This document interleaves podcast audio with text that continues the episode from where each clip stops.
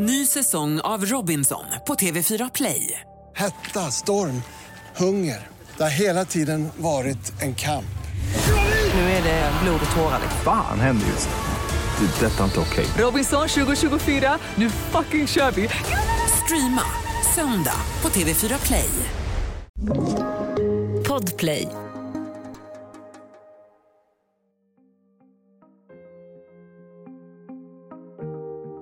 Victoria Larsson, 16 år, ser ett foto av två brottslingar som jagas för ett bestialiskt trippelmord. Sverige förfasas över våldsbrotten, men Victoria blir nyfiken. Hon börjar brevväxla med den misstänkta mördaren Joa Valjakalla och blir kär i honom. Det här är Jag var där, en dokumentär som du hör varje onsdag på Podplay. Av Andreas Utterström och Mattias Bergman.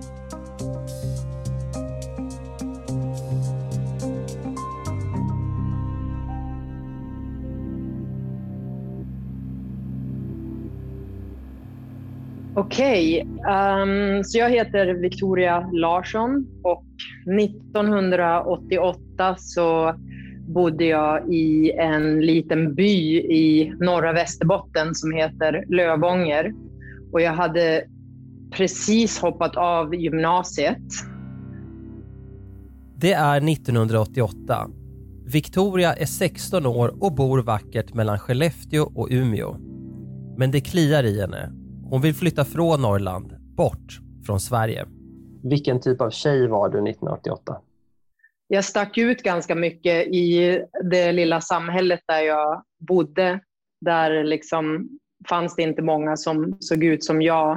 Eh, för jag gillade då att gå omkring med svart läppstift och svartfärgat hår och lager på lager av sönderrivna strumpbyxor och gärna mycket dödskallar och sådär. Den stilen. De kallas svartrockare eller depprockare. Idag skulle man nog säga goth. Medan andra tonåringar lyssnar på Roxette eller George Michael gillar Victoria band som Sisters of Mercy. Ja, jag var liksom intresserad av saker som svart magi och djävulsdyrkan och jag tyckte att det var otroligt fascinerande med människor som, ja, mord var intressant och liksom historier som rörde någon typ av utom, utanförskap och mörker. Och om man har de här intressena och växer upp i ett mindre samhälle eh, kan det vara svårt att få kompisar. Hur var, hur var det för dig? Hade du några vänner i, under tonårsperioden som delade dina intressen? Mm, alltså jag hade mycket kompisar faktiskt. Jag har alltid haft, eh, haft lätt att ha vänner. Jag delade mitt intresse. Jag hade ganska stark eh, så här, förmåga att påverka andra människor. Så jag minns någon gång vid kanske sommarlovet mellan sjuan och åttan, så lite innan det här, eller det kan ha varit mellan åttan och nian, jag minns inte riktigt, så hade jag två killkompisar. Och jag bestämde åt oss att när skolan började igen efter sommarlovet så skulle vi bara få ha på oss svarta eller grå kläder. Victoria beskriver sig lite som en outsider och hon är karaktärsfast. Nej, jag var, jag, jag var mobbad eh, både i grundskolan eh, av äldre killar liksom, i, i, på samma skola och sen när jag började gymnasiet i Skellefteå så gick de här killarna som hade mobbat mig på grundskolan i Lövånger, de gick nu på den gymnasieskolan i Skellefteå, så då fortsatte de att mobba mig. Jag var mobbad, men jag var liksom inte helt ensam. Jag hade ganska stort eh, kontaktnät och ganska mycket, ja, mycket vänner. Pendlingen till gymnasieskolan i Skellefteå är 48 kilometer.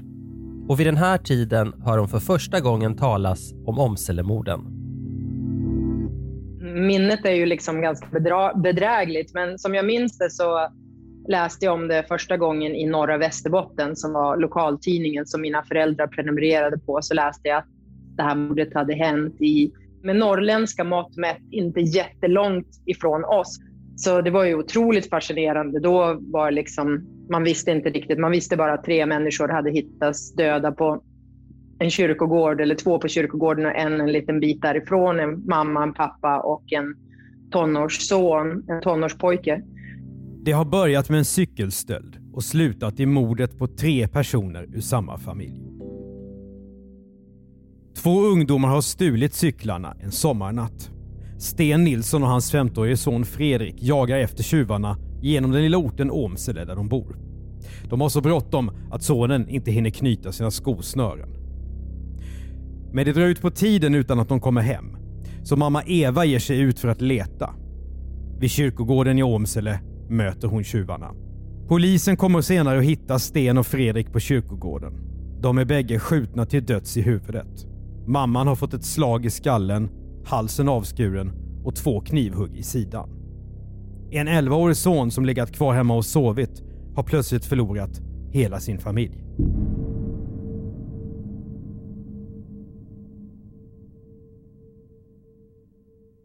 Um, så det var ju otroligt fascinerande och jag läste säkert den där artikeln och ja, var spänd på att få höra mer och sen några dagar senare så minns jag att jag cyklade förbi kiosken som låg rätt nära oss och då på löpsedlarna så var då eh, Joa och Maritas ansikten.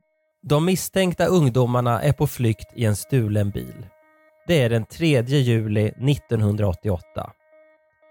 De är Joa Valjakala, 23 år och hans flickvän Marita Rotalami, 20 år. Det gjorde ju jättemycket, för hade jag liksom just det här att ja, namn och bild kom fram och så mycket bakgrundsinformation om deras utseende på bilderna var tilltalande och fascinerande. Det, det, var ju liksom, det gjorde ju allt. Hade det inte varit så, så eller hade de sett ut som värsta, värsta nördarna eller någonting så, så tror jag inte att jag hade blivit så, så fascinerad. Orsaken till att medierna går ut med namn och bild är att paret på flykt anses extremt farliga. Dådet i Åmsele är chockerande. Alla svenskar lär sig nu namnen Joa och Marita. Och de för tankarna till förbrytarpar ur populärkulturen. Som de gamla Bonnie och Clyde. Eller filmen Natural Born Killers som kommer några år senare. Men visst, alltså det var ju som en sjuk jävla mediacirkus runt det här. Eh, eh, det var ju jättespännande liksom när de följde dem genom olika stulna bilar genom Sverige. Så det var ju, ja, det var, det var stort och det var maffigt och det var väldigt mycket liksom fokus på dem som personer. Man åkte till Finland, man intervjuade eh, folk som hade känt dem i, under deras uppväxt, eh, försökte få tag på lärare, gamla pojkvänner, flickvänner och så vidare som jag minns det. Så det var stort, maffigt, mycket. Så här låter det i SVTs Aktuellt. Här på järnvägsperrongen i Odense greps det finska paret strax före klockan 10 i förmiddags. Konduktören ombord på tåget från Köpenhamn upptäckte paret vid biljettkontrollen. I detsamma så stiger de två efterlysta personer ut av tåget. Det misstänkta mördarparet grips i Danmark efter 19 dygn på flykt. Inte minst kvällstidningarna fylls av detaljer. Hur flykten går till dag för dag och hur farlig Juha Valjakalla är. Tiotals gamla bilder av honom har publicerats redan innan man får se hur han ser ut då han grips. Det blir många artiklar och foton som man kan klippa ut om man är intresserad. Och det är Victoria Larsson. Hon älskar att skriva brev. Hon har redan brevvänner över hela världen. Och det intresset går nu ihop med hennes dragning till människans mörkare sidor. Eh, jag hade tidigare brevväxlat med minst en person som jag visste satt, satt på fängelse, satt på Kumlaanstalten. Eh, jag visste inte riktigt vad han satt inne för. Jag tror att han hintade i något brev om mord. Eh, men ehm, ja, så när jag först liksom fick idén att jag, att jag skulle skriva till Joa så var min tanke, min plan var att jag skulle skriva till, till de båda två, att jag skulle skriva till både Joa och Marita. Men så blev det inte. Nej, så blir det inte. För Victoria sätter sig och skriver brev till Juha Valjakalla. Adress häktet.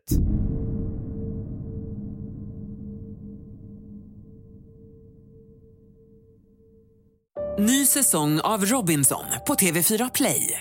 Hetta, storm, hunger. Det har hela tiden varit en kamp.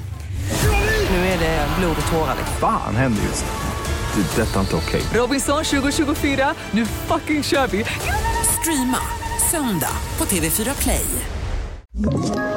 Ett poddtips från Podplay. I podden Något Kaiko garanterar östgötarna Brutti och jag, Davva, dig en stor dos skratt. Där följer jag pladask för köttätandet igen. Man är lite som en jävla vampyr. Man har fått lite blodsmak och då måste man ha mer. Udda spaningar, fängslande anekdoter och en och annan arg rant. Jag måste ha mitt kaffe på morgonen för annars är jag ingen trevlig människa. Då är du ingen trevlig människa, punkt. Något Kaiko, hör du på Podplay. Därför är gardinerna. Minns du vad du skrev i det första brevet? Jag har ju liksom kvar breven som jag fick tillbaka av Johan, men jag har ju, kan, har ju liksom inte några, några kopior av det jag själv skrev. Men jag är ganska säker på, baserat på hans svar, att jag frågade honom om, om han hade gjort det här eller, eller inte. Eh, ja. Och hur det var i fängelset tror jag också att jag frågade. Hur det var att sitta liksom inlåst. Hon har egentligen ingenting gemensamt med Joa Valjakalla. Victoria har vuxit upp som en vanlig tonåring i ett svenskt samhälle. Han har begått minst 65 brott redan som 15-åring. Men ändå är Victoria Larsson inte unik. För nu är Joa Valjakalla inte bara landets kanske mest avskydda person. Han har en sexuell dragningskraft också. Jo, um, precis efter jag hade skickat ett brev till honom så typ nästa dag så öppnade jag tidningen Aftonbladet eller Expressen eller vad det nu kan ha varit och då stod det att Juha fick säckvis med brev eh, från kvinnor, flickor eh, runt om i Sverige. Och när jag läste det så inser jag liksom att mitt hjärta sjönk. Då tänkte jag, ja men då finns det ju inte en chans i helvetet att han kommer att svara på just mitt brev. Det kommer ju bara försvinna i mängden. Trots den låga sannolikheten får Victoria ett svarsbrev. Ja, han, han nämnde det själv att han hade fått väldigt mycket brev men, och att han inte kunde svara på alla. Men av någon anledning så hade han bestämt sig för att svara på just mitt. Om du skulle uppskatta sammanlagt, ungefär hur många brev tror du skickades emellan er sammanlagt? Jag skulle vilja säga att vi kanske skickade någonting i stil med runt 30, 30 brev var. Någonting i den stilen. Skickade du bilder eller andra saker, teckningar och sånt också? Eller fick han inte ta emot det på häktet? Jag tror jag skickade ett foto på mig själv vid ett tillfälle och han skickade ett foto på sig själv som han var väldigt noga med att han behövde få tillbaka. Jag fick inte behålla det, jag fick bara låna det och titta på det. Och, sen, och, det, och jag, tog liksom, jag minns att jag tog en fotokopia av det som jag tror att jag har fortfarande. Eh, och sen så skickade jag det tillbaka till honom. Vilka visste om att den här brevväxlingen pågick? Min, I min bekantskapskrets alla, inklusive mina föräldrar, min eh, lilla syster, eh, mina kompisar. Spelade det någon roll för dig om han var skyldig eller oskyldig? Jag ville ju absolut tro att han var oskyldig. Alltså när vi började brevväxla och så och liksom i, i hela rättsfallet så påstod ju han tills liksom år efter han hade blivit dömd och redan utvisad till Finland så hävdade ju han att han var oskyldig och att det var Marita, hans eh, flickvän, som hade, hade begått de här eh, tre morden. Och jag ville ju verkligen tro på hans eh, version. Vad fick du för intryck av honom i de här breven och motsvarade de, de den bild du hade byggt upp eh, efter att ha läst mycket om honom i tidningarna? Helt klart en, en känslokall person, en person som ljuger. Men då så, som 16-åring så var ju liksom till exempel vad man gillade för musik var ju så här, någonting som kunde avgöra om man blev vän med någon eller inte, eller om man blev kär i någon eller inte. Så i, då som 16-åring i breven så, så tyckte jag ju liksom att han var cool och han namedroppade rätt band och sådär. Ja. Sommaren går och korrespondensen fortsätter. Victoria behöver inte känna sig ensam. Tidningen Aftonbladet, som hon själv läser, skriver på sin första sida om kvinnorna som hör av sig till Valjakalla i häktescellen. Bland de många hatbreven kommer nu även kärleksbudskap. Chefsåklagaren, som måste läsa allting innan den mordanklagade får breven, klagar över arbetet. Det var liksom så här skräckblandad förtjusning. Jag vet att jag ibland hade mardrömmar av, eh, över att han skulle, att det skulle ringa på dörren eh, hemma i mina föräldrars hus och så skulle han stå där utanför och då skulle jag liksom då visste jag inte om jag skulle tycka att det var bra eller dåligt. Min fantasi spann säkert loss. Fantiserade säkerligen om hur vi skulle träffas och vara ett par och resa runt i Europa. Så jag vet inte. Det är, det är lite svårt att, att minnas exakt vad för galenskaper som kan ha försiggått i mitt sinne då. Så att du var, ditt 16-åriga jag var kär i Joa Vallekalla? Alltså, ja, det, det, skulle jag nog inte ha erkänt för någon av mina kompisar eh, då. Och nu så har jag en helt annan syn på vad, vad kärlek är. Men visst, jag liksom hade väl alla de här förälskelsekänslorna, alla det här att man Eh, börjar fantisera om en massa saker och känner pirr i magen och tycker att någon är snygg. Ja, allt, allt sånt upplevde jag eh, då.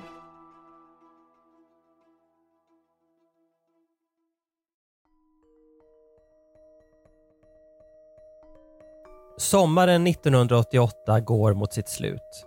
I augusti ställs Joa Valjakalla inför rätta i Umeå tingsrätt för mord. Marita Rotalami åtalas för medhjälp. Det här är självklart en av årets största rättegångar i Sverige.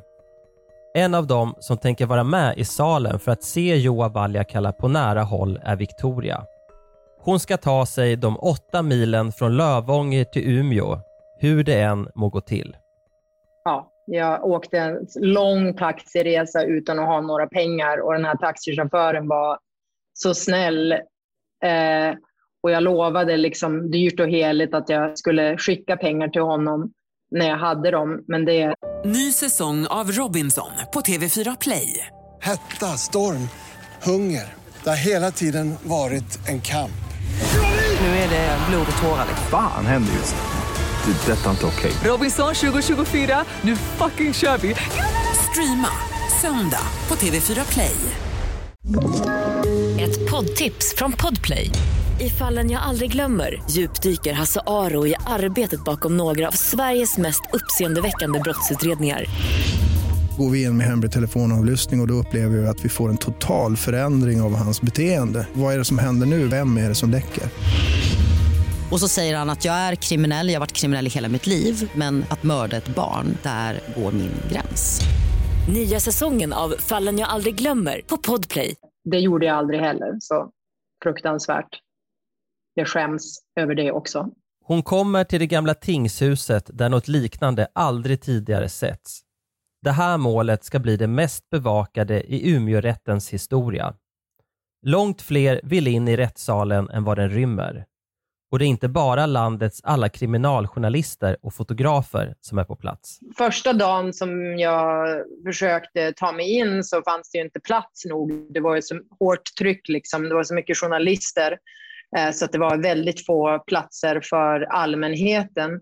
Så jag träffade ju då eh, ett gäng tjejer som vi började ju hänga tillsammans där på rättegångarna tjejer och eh, en och annan kille ska jag också säga. Um, så dagen efter så bestämde vi att nu ska vi fan in. Så då minns jag, att vi, minns jag det som att vi tillbringade i princip hela natten med att kampa utanför uh, rättegångsbyggnader. De hade ju satt upp sådana här kravallsraket som man ser på konserter för att hålla något, någon typ av kösystem. Så vi låg liksom i de där follorna och drack te och chattade och det kan ju inte ha varit speciellt varmt. Vissa ungdomar har åkt från södra Sverige för att vara med, upptäcker Victoria. Eh, så det var ju så här konsertstämning som att, och när vi äntligen fick gå in i salen och alla fotografer och folk ville prata med oss. Och, Eh, vi, ja, jag lät mig intervjuas här och där.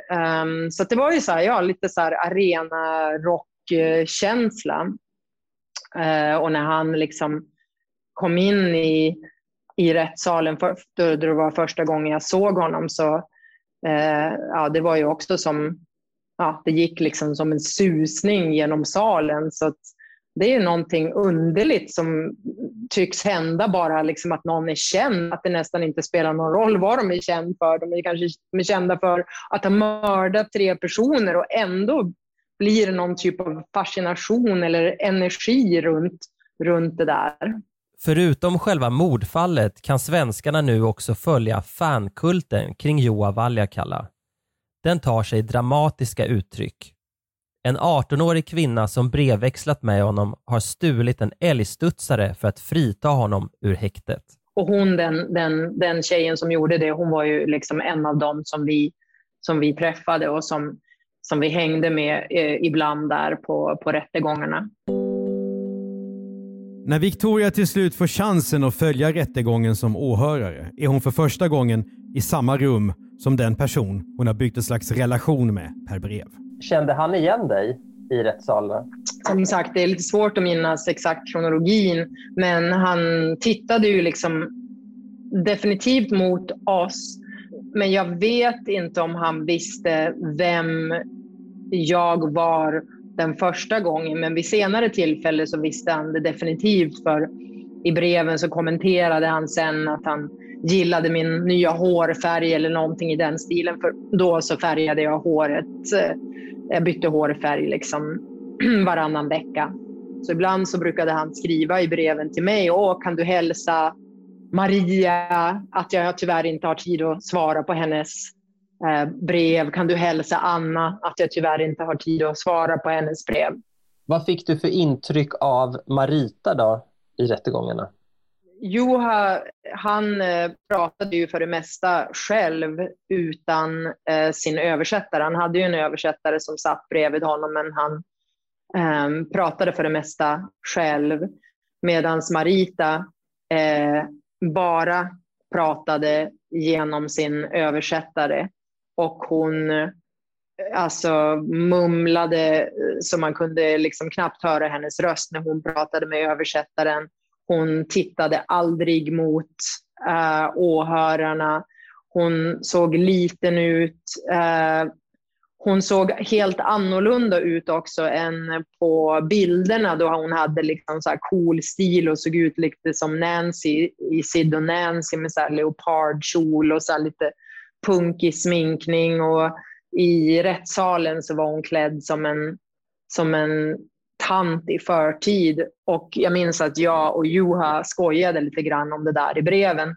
Och han menade ju på att hon liksom bara, det var, det var bara ett spel, att hon försökte liksom, att hon spelade en roll. Men eh, ja, det såg, ju, det såg ju inte ut så precis. Det såg ju inte ut som att hon var en trippelmördare. Men det måste ju också ha funnits anhöriga med här i eh, rättssalen som var väldigt upprivna. Eh, hur, hur reagerade du på det med tanke på vad det är som ska avhandlas under den här rättegången? Ja, det är ju också liksom faktiskt lite jobbigt att tänka på just nu för att jag hade så himla lite koll på ens vilka anhöriga som var där. Det var liksom, det har helt jag, jag, var liksom så fokuserad på Joa och Marita och deras advokater och på åklagaren. Allt det var jag jätteintresserad av. Journalister, vi hade liksom koll på vilken, vem, vem som var vem, vem som var från vilken tidning, om de var snälla eller dumma. Men eh, anhöriga, det har jag liksom jag har, jag har, ingen koll på det. Jag har inget minne av att någon gatt i rättssalen. Ingenting sånt. Men det måste ju ha skett. Som du minns det, visade han någon som helst ånger? Nej, absolut inte. Eftersom han, han var ju oskyldig. Det var ju det han vidhöll hela tiden. Efter tingsrättsdomen följer överklagande. Juha Valjakalla och Marita Rotalami ställs inför rätta i hovrätten. Victoria deltar några dagar i var och en av förhandlingarna. Under de många veckorna fortsätter breven att gå mellan henne och Valjakalla. Han ställer nog en, några frågor till mig, kanske inte någonting direkt djuplodande, men mer sådana här. Han frågade ju en del liksom, hur jag hade uppfattat rättegången och eh, den typen av frågor och sen lite frågor om musiksmak och vilka länder jag hade besökt eller vart jag skulle vilja bo.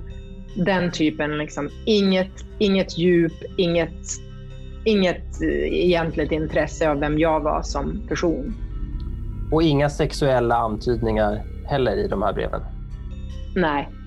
Det kan väl ha varit någonting, så här, någon liksom så här, liten så här, insmugen kommentar om att ja, vad fin du var i håret.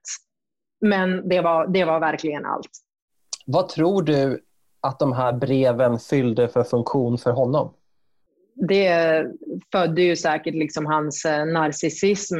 Sen varför han valde att brevväxla just med mig eh, och inte med någon annan, det, det vet jag faktiskt inte. Förhållandet mellan Valjakalla och hans kvinnliga brevvänner är speciellt. Hans advokat Pelle Svensson frågar till och med Victoria om hon kan ställa upp i rättssalen och försöka spänna hanen på mordgeväret. Detta för att visa att en ung kvinna, som hon eller Marita Rotalami, fysiskt skulle kunna klara av att skjuta. Victoria är beredd att ställa upp, men det blir aldrig av. Och så är det det här med att vara omsvärmad av reportrar. De drar sig inte för att intervjua Victoria eller de andra tjejerna som följer rättegångarna. Här intervjuas hon av SVT.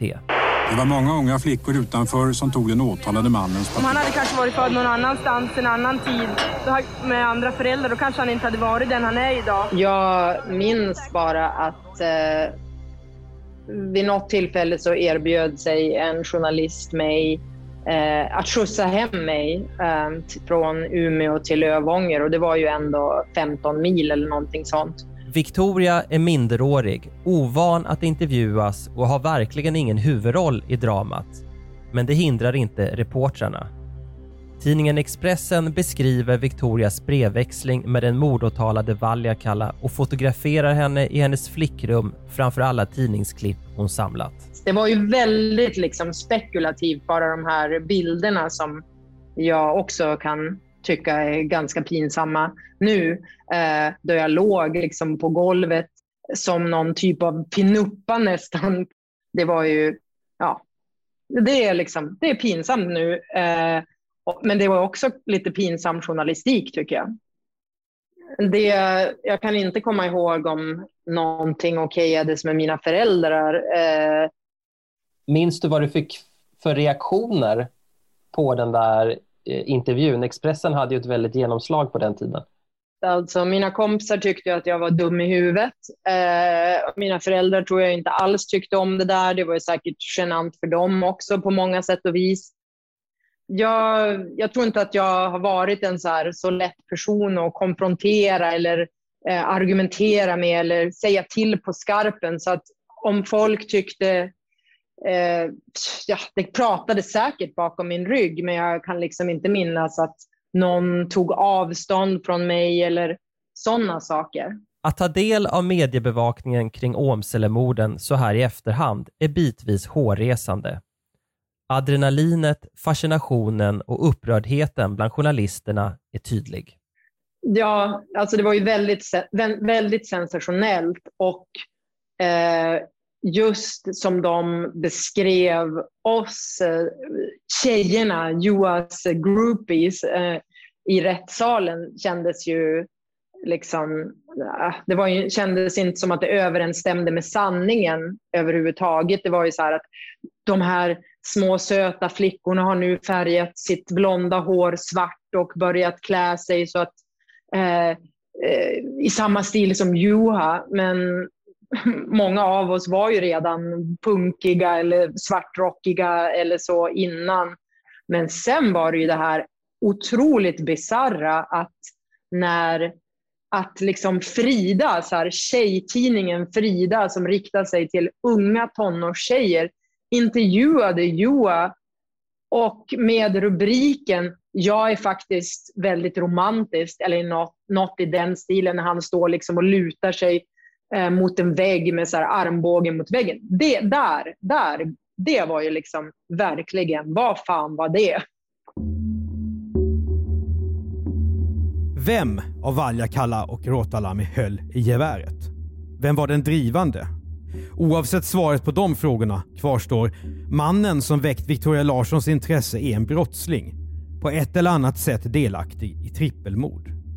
Medan månaderna går och hon får se mer av honom och veta vad som egentligen har hänt i Åmsele förändras hon.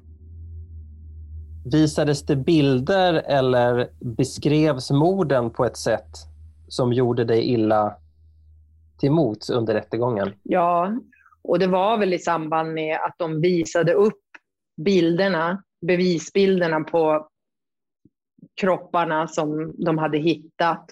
Och det var ju helt fruktansvärda bilder. Alltså jag klarade ju inte av att titta på dem. Och sen så såg man Joa så här, sitta och vicka, gunga liksom på sin stol och tugga tuggummi och se ganska oberörd ut. Och där någonstans så tror jag att det började ja, inte kännas rätt inuti. Jag började nog tänka, vad, vad är det här egentligen? Det måste ha varit där då i sista, sista rättegången.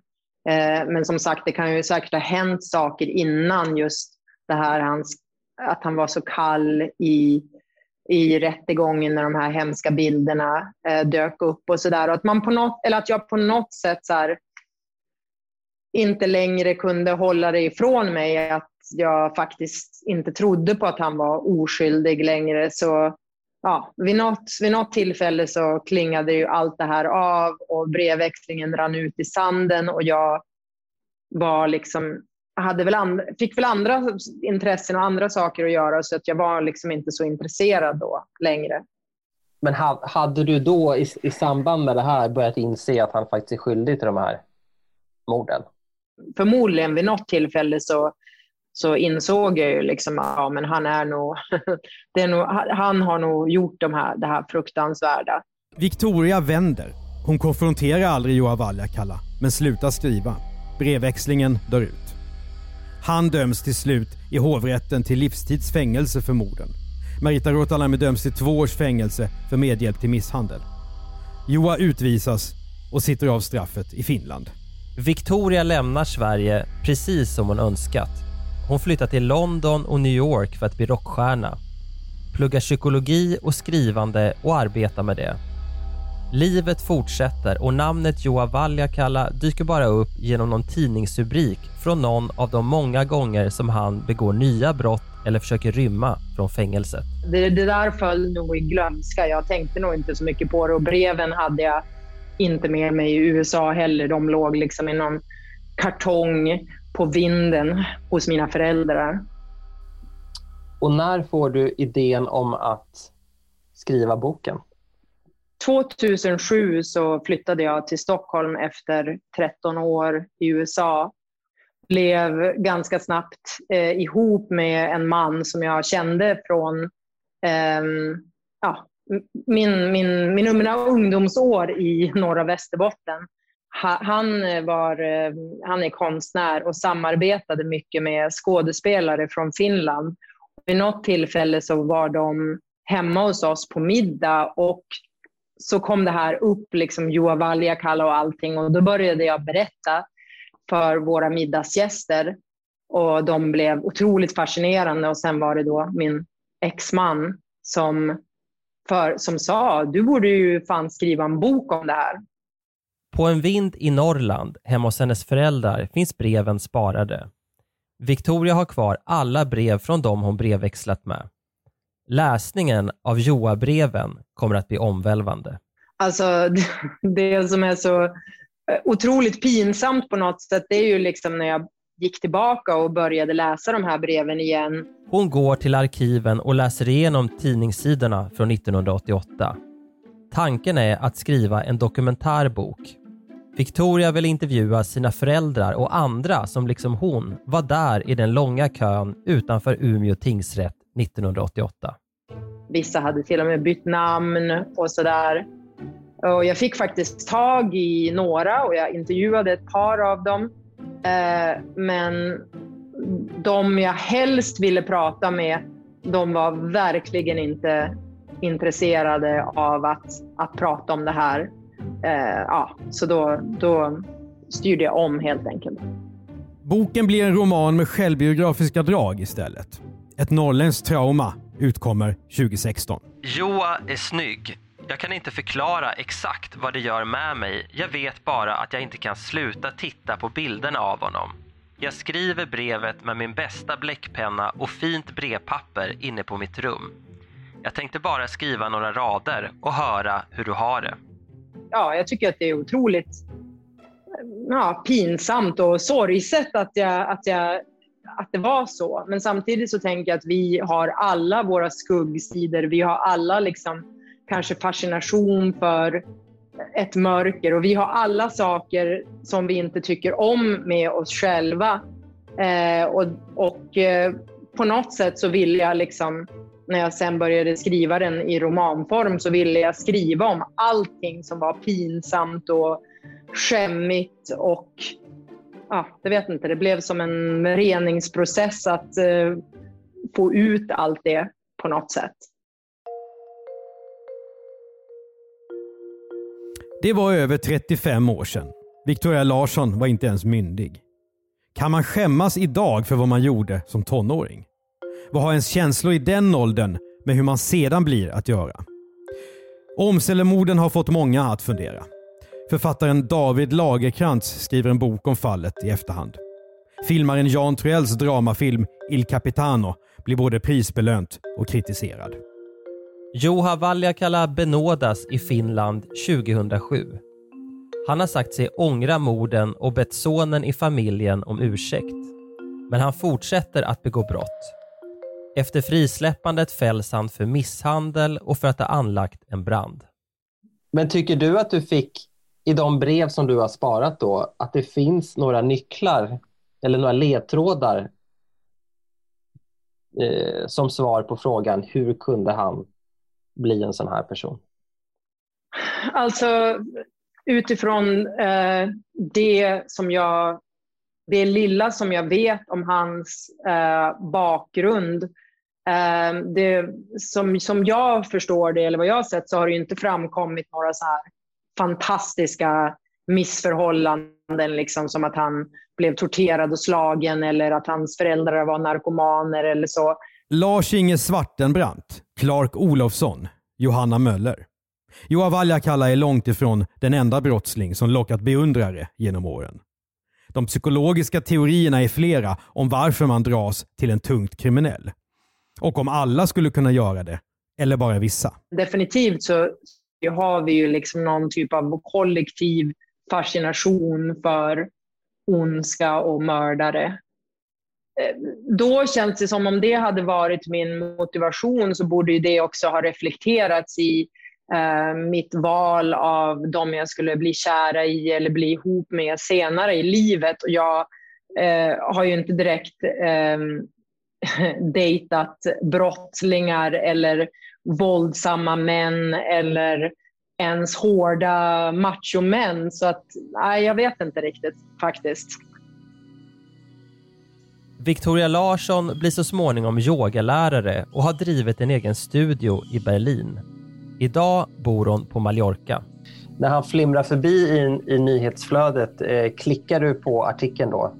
Det gör jag nog säkert. Det här med att han hade bett om ursäkt till den överlevande sonen, det visste jag faktiskt inte. Så det har jag helt missat. Men visst, dyker han upp i nyhetsflödet då, då kommer jag att klicka. Men jag kanske inte tillbringar timtal och försöka läsa om honom på Flashback. Eller jag har nog aldrig ens eh, kollat upp honom på Flashback sådär. Men det här intresset för grova brottslingar, vad tror du att det bero på. Det måste ju fylla någon slags funktion därför att annars skulle det inte vara så, så populärt. Det går ju också över alla åldrar. Ja, vad beror det på? Igen den här fascinationen på något sätt eh, med mörker och skuggsida och också för mig som, som fortfarande är fascinerad också av true crimes och snör in då och då på, på liksom, eh, brott som sker och går in och läser på Flashback forum så är det väl också på något sätt att försöka förstå hur kan en människa göra någonting sånt fruktansvärt? Vad driver någon? Vad, vad är liksom, ja, man vill få svar helt enkelt.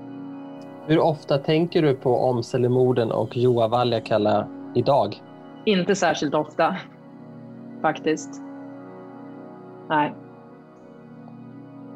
Du har hört ett avsnitt av dokumentären Jag var där som görs av Mattias Bergman och Andreas Utterström. Exekutiv producent Jonas Lindskov. I nästa avsnitt så kan du höra om Sveriges dyraste filmflopp, Sverige åt svenskarna. Och redan på onsdag kan du höra det avsnittet i Podplay före alla andra. För Podplay gör vi även poddarna Misslyckade brott och Misslyckade affärer. Och så driver vi innehållsbyrån Commercial Content och gör då podden Världens bästa innehåll. Tipsa oss gärna om händelser du tycker att vi ska berätta om i podden till jagvardar@bplus.se.